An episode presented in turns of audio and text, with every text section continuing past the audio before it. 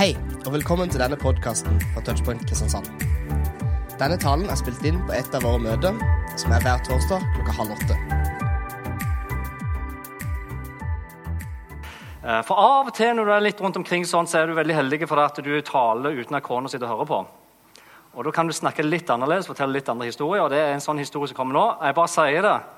Uh, vær snill nå sant? og bli sittende, ikke stikke av gårde. Men det hadde seg sånn. Du, vet, Det står i Bibelen helt i begynnelsen så står det at uh, Gud skapte hele jorda, han skapte alt sammen, og så helt til slutt så skapte han mennesker. sant? Det står Han skapte Adam, og så står det at Adam han var litt ensom. og Ut ifra Adam så tok Gud et ribbein, og så skapte han kvinnen. Vel, Dette er en historie. Den står ikke i Bibelen, men det er veldig likt det som står i Bibelen. Det er ikke sant, for å si det sånn. Men det var denne dagen når Gud kom ned til Adam. så det står at han, daglig kom ned, og så vandret han i sammen med Adam i hagen. Og så plutselig ser Gud at Adam han er veldig lei, så han går rundt helt trist og lei. og liksom lurer hva det er for noe. Så Gud han dunker siden til Adam og spør du, hva er det som skjer. Hvorfor er du så lei? Jeg har liksom skapt alt til deg, og jeg har skapt deg og meg og deg sammen hver eneste. Så han, ja, men jeg føler meg liksom ensom. Det er liksom et eller annet som ikke er sånn som det skal.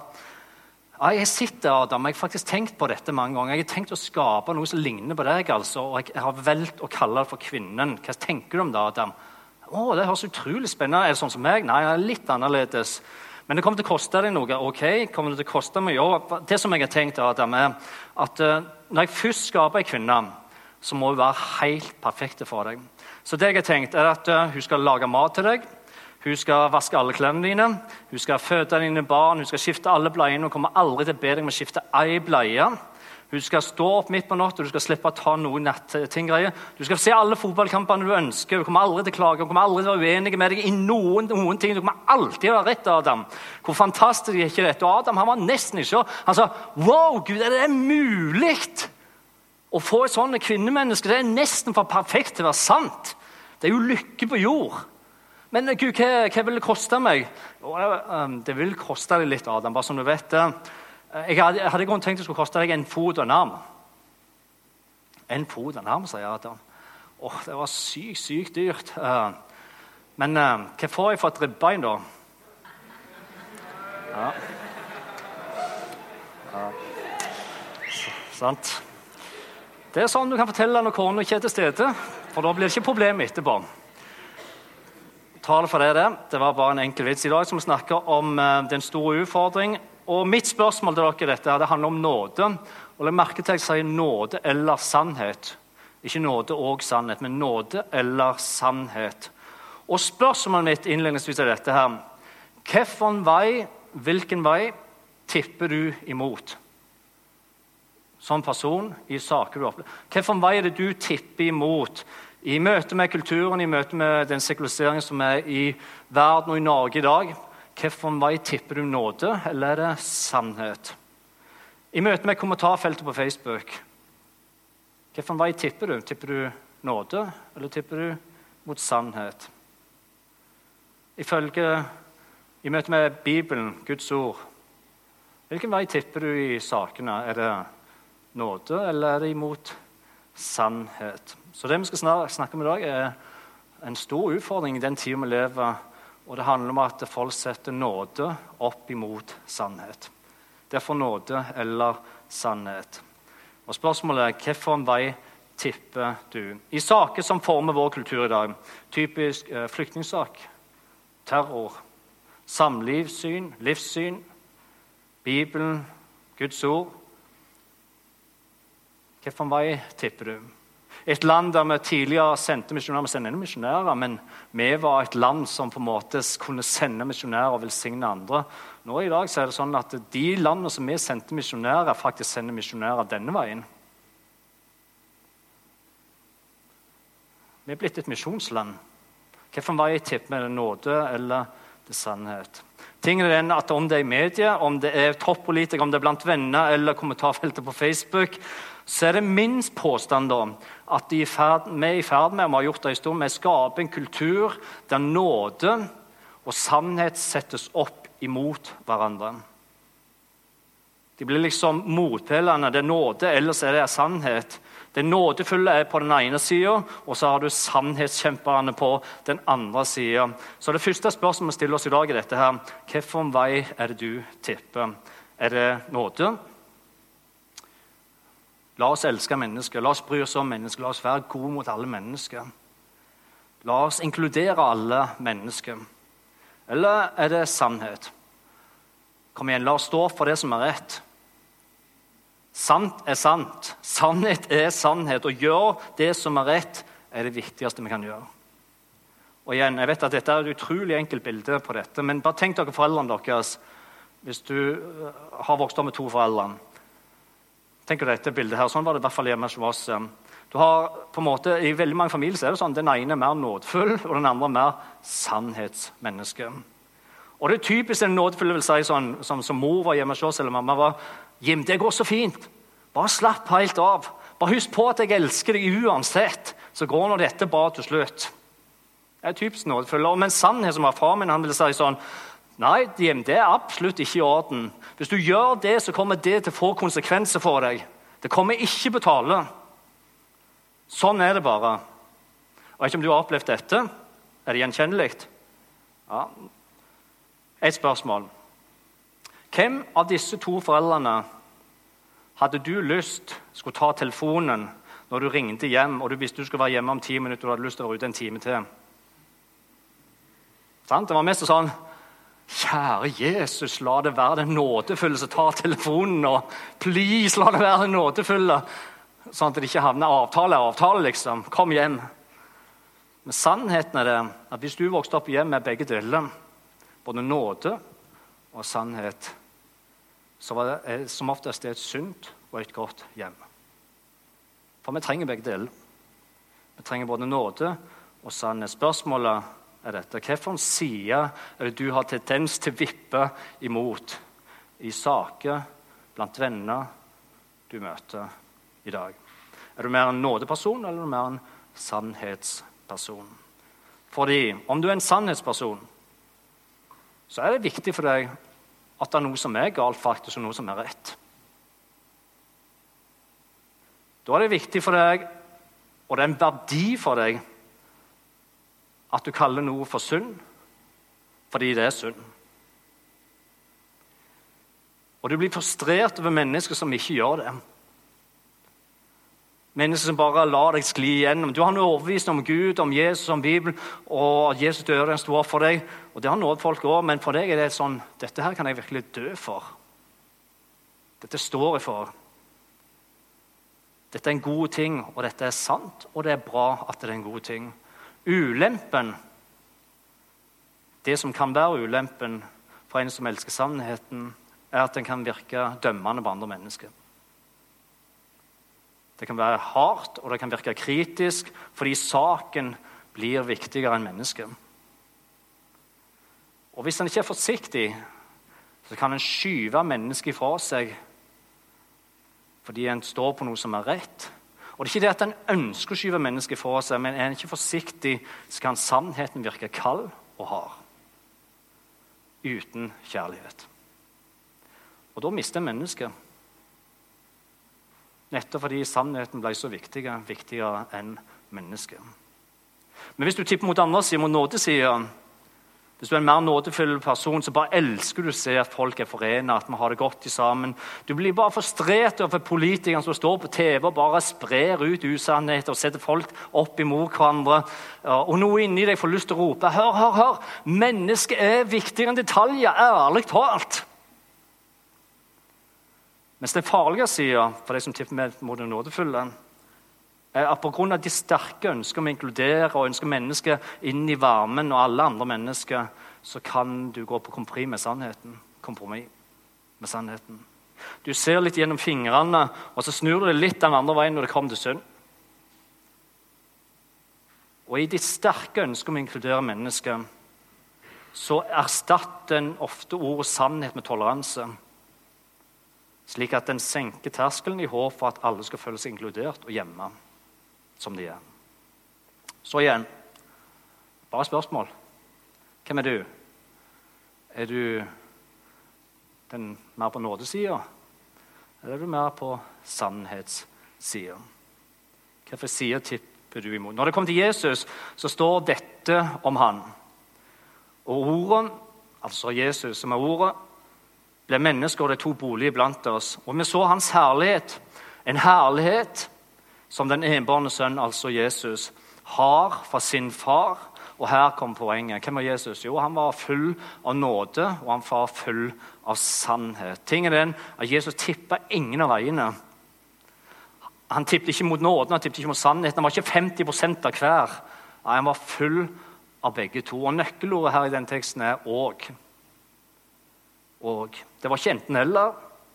Det var ikke litt mer nåde og mindre sannhet eller mer sannhet og mindre nåde.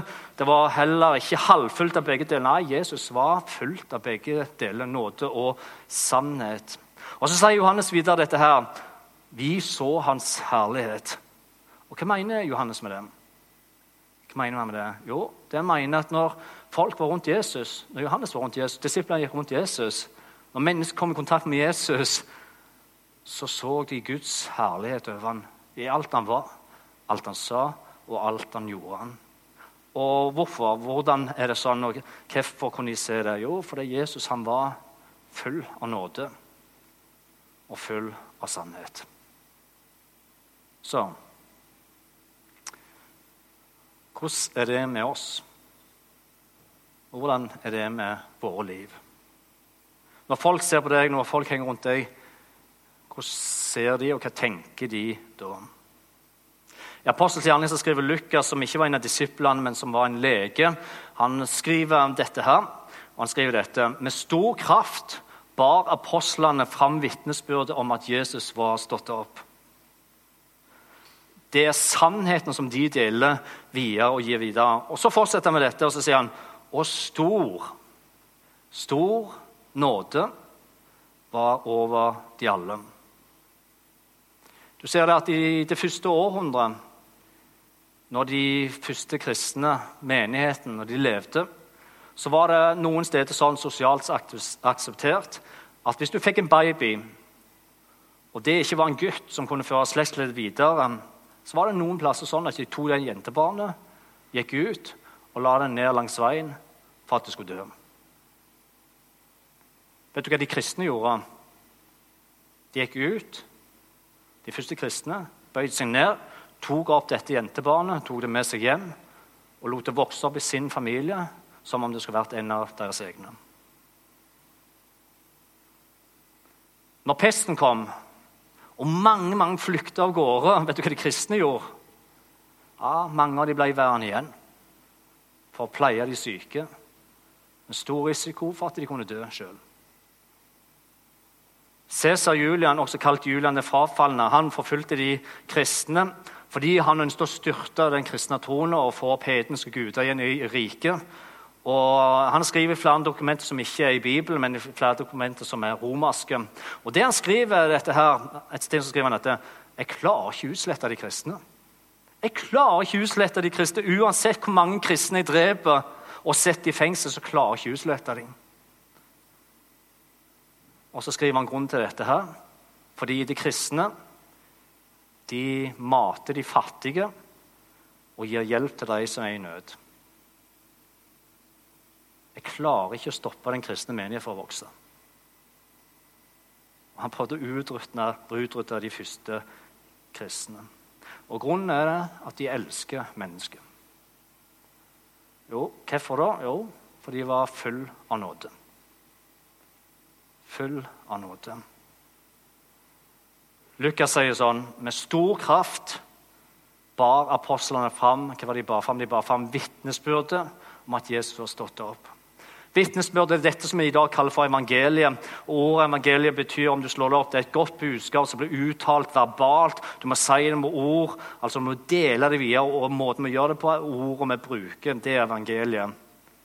Et godt budskap sagt videre med ord. Noe som igjen betyr at evangeliet om Jesus ja, det må brukes ord verbalt for at det skal kunne gis videre. Slik at de rundt oss skal få tak i sannheten og nåden om Jesus. Og Allikevel så er det mange kristne i dag som velger å ikke si et eneste ord fordi kulturen, presser de til å holde munn. Frans av Assisi han skrev dette. Forkynn evangeliet om nødvendig bruk ord. Forkynn evangeliet om nødvendig bruk ord. Og bare La oss tenke på det et øyeblikk. Forkynn evangeliet om nødvendig bruk ord. Og Jeg forstår hvorfor han sa det, og hva han mente med det. Og Han sa det fordi han var så lei av så mange som brukte ord, men det handla aldri i gjerning. Det var bare masse, masse ord uten gjerning. Derfor skrev han dette. Men tingen, det å bruke Frans av Sissi sine ord og si å, trenger jeg ikke gjøre noen ting, altså trenger jeg ikke si noe. Så fantastisk. Jeg trenger ikke bruke ord. Det er jo det samme som å si Hei, kan du gi meg telefonnummeret mitt, eh, ditt til meg? Om nødvendig bruk siffer. Sant? Det er jo sånn det er. Og Poenget mitt er dette her, vi kan ikke dele det gode budskapet, gi evangeliet videre uten at vi bruker verbalt bruker ord. Uten at vi velger å invitere mennesker, uten at vi velger å bry oss nok om deres liv til å ta dem med på en vandring og invitere dem inn sånn de kan få møte Jesus. Den første menighet de forsto dette. Og De var ikke fornøyd med bare å ha gode gudstjenester eller leve med Jesus i hjertet personlig for seg sjøl når sjeler sto i fare for å mistes for evigheten. Og sannheten er den at sånn burde det være for alle oss òg. Vi bør ikke være fornøyd med å ha en personlig tro. Vi bør ikke være fornøyd med bare å ha gode gudstjenester. Det er fantastisk, og gode møter og gode låser. Det er fantastisk. Men det bør være noe annet som driver oss. Slik at vi inviterer mennesker inn til Jesus. Og Sannheten om det er at vi burde strebe etter slik som det første menighet var. Virkelig strebe etter det, slik som de var. Så det som vi skal gjøre her eh, i dag, er at vi skal se på to, to gode grunner til hvorfor vi skulle strebe etter et sånt liv som de viste oss. Og Det første er dette at sannhet med nåde det er det som setter mennesket fri. Sannhet med nåde setter folk fri. Bare hør hva Jesus sier i Johans evangelium. Han sier dette. Da skal dere kjenne sannheten, og hva sannheten skal gjøre? Jo, den skal sette dere fri, skal gjøre dere fri. Er det noen her som trenger å bli satt fri for noe? Er det noen her som trenger å bli satt fri for noe? Fri fra en avhengighet? Fri fra angst? Fri fra løgner som du har begynt å tro om deg sjøl, som ikke er sanne? Vel, hele sentrum og kjernen i evangeliet at Gud vil bruke sannheten til å sette deg fri. En av Jesus' sine yngste brødre han heter Judas. og De mener at sannsynligheten er veldig stor for at Judas var den bror til Jesus som skrev Judas' brev, som er det siste brevet i Bibelen. Et lite kort brev. Uh, og Sannsynligheten er stor for at det er bror til Jesus Judas. Og Han skriver til de kristne dette. han skriver dette, Mine kjære, jeg har hatt et endelig ønske om å skrive til dere om frelsen vi hadde har i sammen, men nå ser vi tvungen altså han, han, han, eh, ser seg tvungen til å sende dere noen formanende ord om å kjempe for den tro som de hellige en gang for alle har fått overlevert. Og Så fortsetter Judas, som sannsynligvis er bror til Jesus, så skriver han dette. Hvorfor må dere kjempe for troen? Jo, fordi det har sneket seg inn Visse folk blant dere, ugudelige mennesker som for lengst er oppskremt til dom. De misbruker vår Guds nåde til et utsvevende liv og fornekter vår eneste hersker og Herre, Jesus Kristus. Det er ganske heftige ord. Og Vi skal se på tre ting av de han skriver veldig kjapt. Og Det første er dette her. Han skriver Hør, jeg formaner dere til å kjempe for troen. Vel, er du villig til å gjøre det? Er du villig til å kjempe for troen? Og Jeg snakker ikke om å kjempe for ene, egen mening eller ting i kommentarfeltet på Facebook. En diskusjon og vinne en diskusjon, men jeg snakker om å kjempe for bibelske sannhet. Er du villig til det? Er du villig til å risikere uenighet for å bli stående i troen. Det andre skriver med dette her. Troa er uforanderlig. Det som en gang ble overlevd, det står ennå fast. Med andre Troen er ikke i endring, den forandrer seg ikke med kulturen eller sekulariseringa. Den blir stående. Den er samme i dag som den dagen den ble overgitt til de og den første menighet. Og det vil bli stående urokkelig inn i evigheten. Men hva er det som gjør at han må skrive dette her? Allerede ca. 30 år etter Jesus var gått bort. Jo, faktisk var det sånn allerede da. 30 år etter sånn cirka, så var det begynt å komme ting inn i menigheten som Å, det er jo ikke så nøye, vel. Nåden dekker jo alt. Det kommer til å gå bra.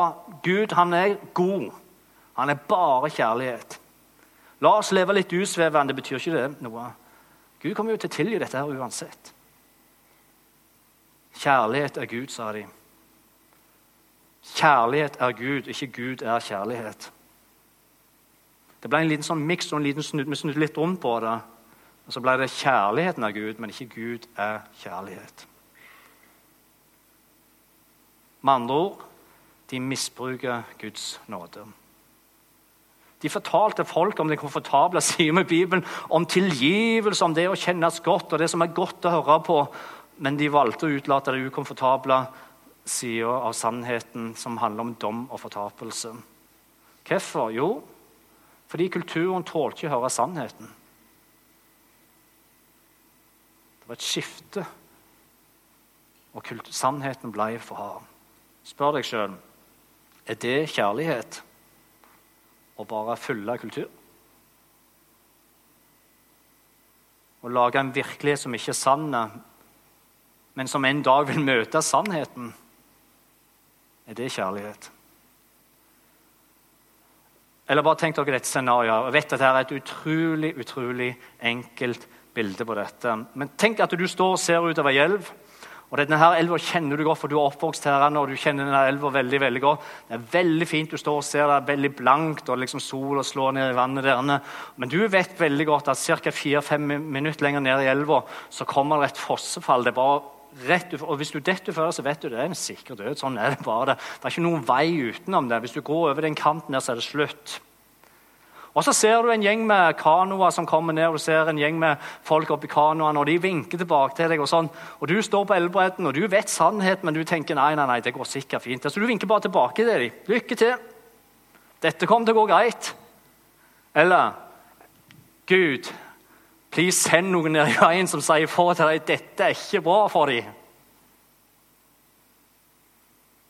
Og så vinker vi bare, og så roper vi kanskje en sånn Gud velsigne dere, det går så fint. Dette kommer til å ordne seg til slutt, kanskje. Forhåpentligvis. Vel, det er ikke kjærlighet. Det er likegyldighet.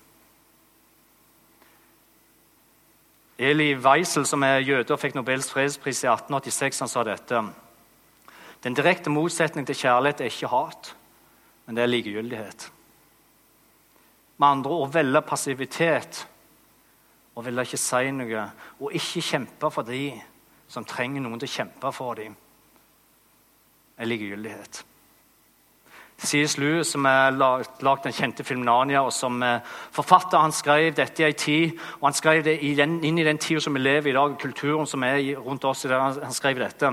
Istedenfor å endre våre ønsker og underordne de til virkeligheten, har vår tankegang snudd til vi prøver å endre virkeligheten slik at den passer med våre ønsker.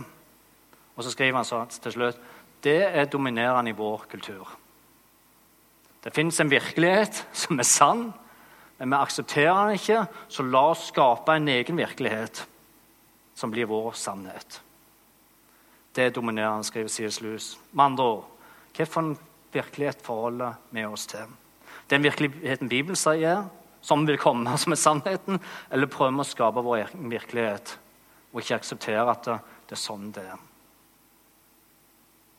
Jesus sa det sånn Hør, dere skal kjenne sannheten. Kjenne sannheten. Og sannheten, hva skal den gjøre? Den skal gjøre dere fri. Og Sann frihet handler om å gi sitt liv og velge å leve sånn at en ønsker å leve mer og mer i bestemmelse med det som er sant. Og Det leder oss til det siste punktet i dag, og det handler om sannhet uten nåde. Hva gjør det? Jo, det setter folk i fangenskap. Sannhet uten nåde setter folk i fangenskap. I Matteus 23 så står det at Jesus taler til folket sitt, og han ser med disiplene. og I det han snakker den dagen her, så handler det om fariseerne, som var de religiøse lederne på den tida. Han, han sier dette her. Hør, de skriftlede og fariseerne, de skriftlærde og fariseerne, alt det de sier, skal dere gjøre, og dere skal holde det. Men det de gjør, skal dere ikke rette dere etter for de sier én ting, og så gjør de noe helt annet. Og så fortsetter han. De tunge byrdene De binder tunge bører som ikke er til bære, og legger dem på skulderen til folk, men sjøl vil ikke lufte en finger for å flytte dem. Med andre ord, De lufter ikke én finger for å hjelpe til. Det er sannhet uten nåde. Det knuser folk. Jesus sa det fariseerne sier, er sant følge det de sier, men ikke gjør sånn som de gjør. De praktiserer ikke det de lærer. Og alt det de gjør, er de bruker pekefinger de peker om på alt som er galt, uten å lufte en eneste finger for å hjelpe folk som har det vanskelig og vondt. Mitt spørsmål har du noen gang følt det sånn i ditt liv? Kjent på pekefingerdom? Den gode nyheten til oss alle dette, at når Jesus kom ned til jorda, så kommer han ned for å invitere oss med til å følge han.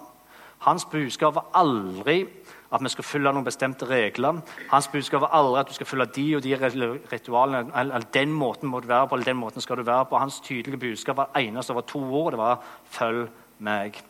Og Grunnen til han sa 'følg meg', var at han ønsket å lære oss gjennom vår vandring, vår liv, gjennom de prosessene, det samfunnet vi lever i, hvordan vi skal håndtere og være som han.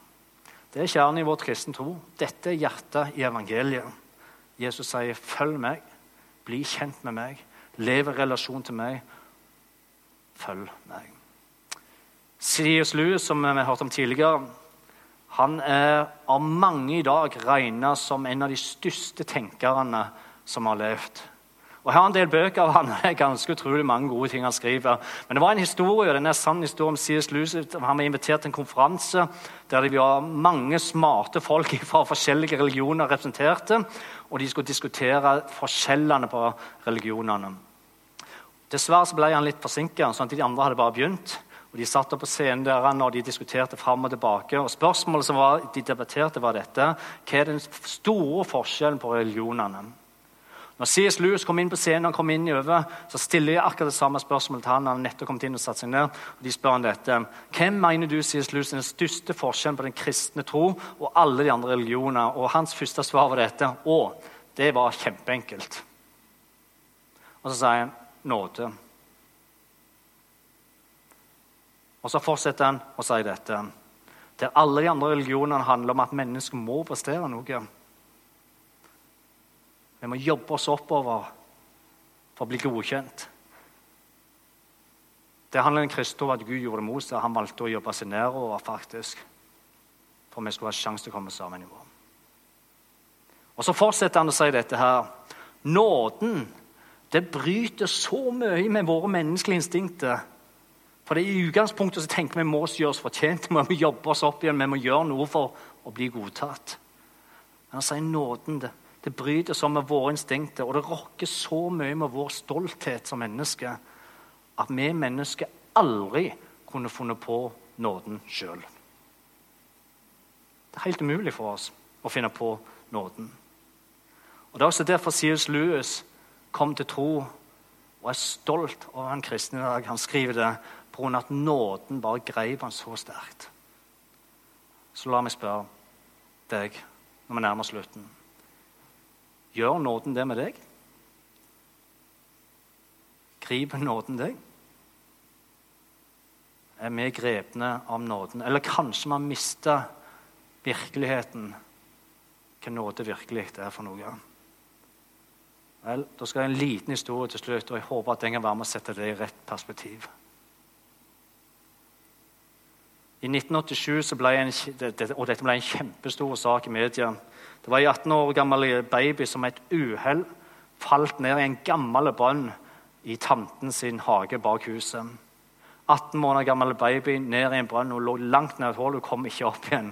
18 måneder gammel Jessica som heter, fikk i løpet av noen få timer en hel nasjon med kamera og bilder overalt. Aviser fulgte den redningsstasjonen som nå pågikk. Hun lå sju meter langt ned i et hull, hadde ikke en mulighet til å komme seg opp igjen. I 58 timer uten stopp jobba mannskap, redningsmannskapet desperat kamp imot klokka for å få henne ut. De gravde rundt og de prøvde å få henne trygt ut av hullet til de endelig klarte 58 timer senere å få henne ut fra mørkene nåde. Det er nåde. Det er det som er nåde. At Gud kom ned, desperat kamp, ga sin eneste sønn, gikk til alt han kunne for å komme helt ned til bunns. Vi hadde ingen sjanse med som den 18 måneder gamle babyen til å klavre opp og gjøre noe som helst forskjell på dette. Det er kun nåde. At du og vi får lov å være med på det som han gjør i dag. Kun nåde. For det Historien den dagen handla ikke om ei 18 måneder gammel jente som kravla og kravla seg opp gjennom. Nei, jeg gjør ikke det. Sannheten var at hun var totalt hjelpeløs, akkurat som oss. Og Det er derfor romerbrevet sier dette. Mens vi ennå var svake eller skrøpelige hjemløse uten mulighet til å komme opp, hva gjorde Jesus da? Hva var det Jesus gjorde? Jo, da døde Kristus for de ugudelige da tida var inne. Og Bare tenk hva det står her. Bare tenk, bare, tenk hva det står. Jesus valgte å dø for de ugudelige.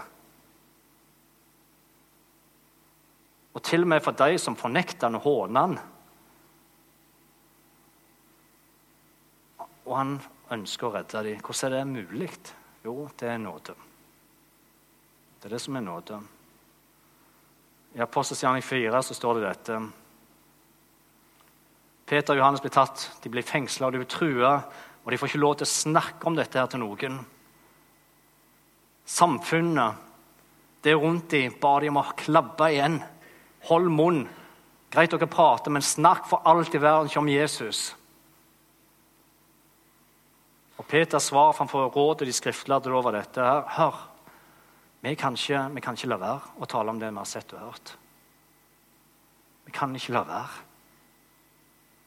Og hvorfor sier de det? Jo, for de var grepen av nåde, og de var grepet av sannhet. Grepet av nåde og grepet av sannhet. Og hvorfor sier de dette? Jo, det var ikke 50 av hver. Det var ikke skeiv. Nei, de hadde en relasjon som Jesus, og dette vokste de sammen.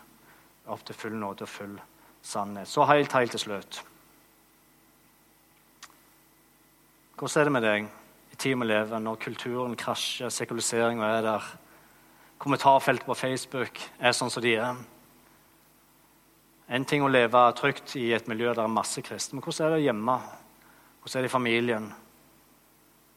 Hvilken side trenger du mest til?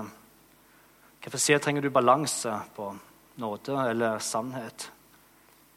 Hvem har du i ditt liv som trenger å høre evangeliet?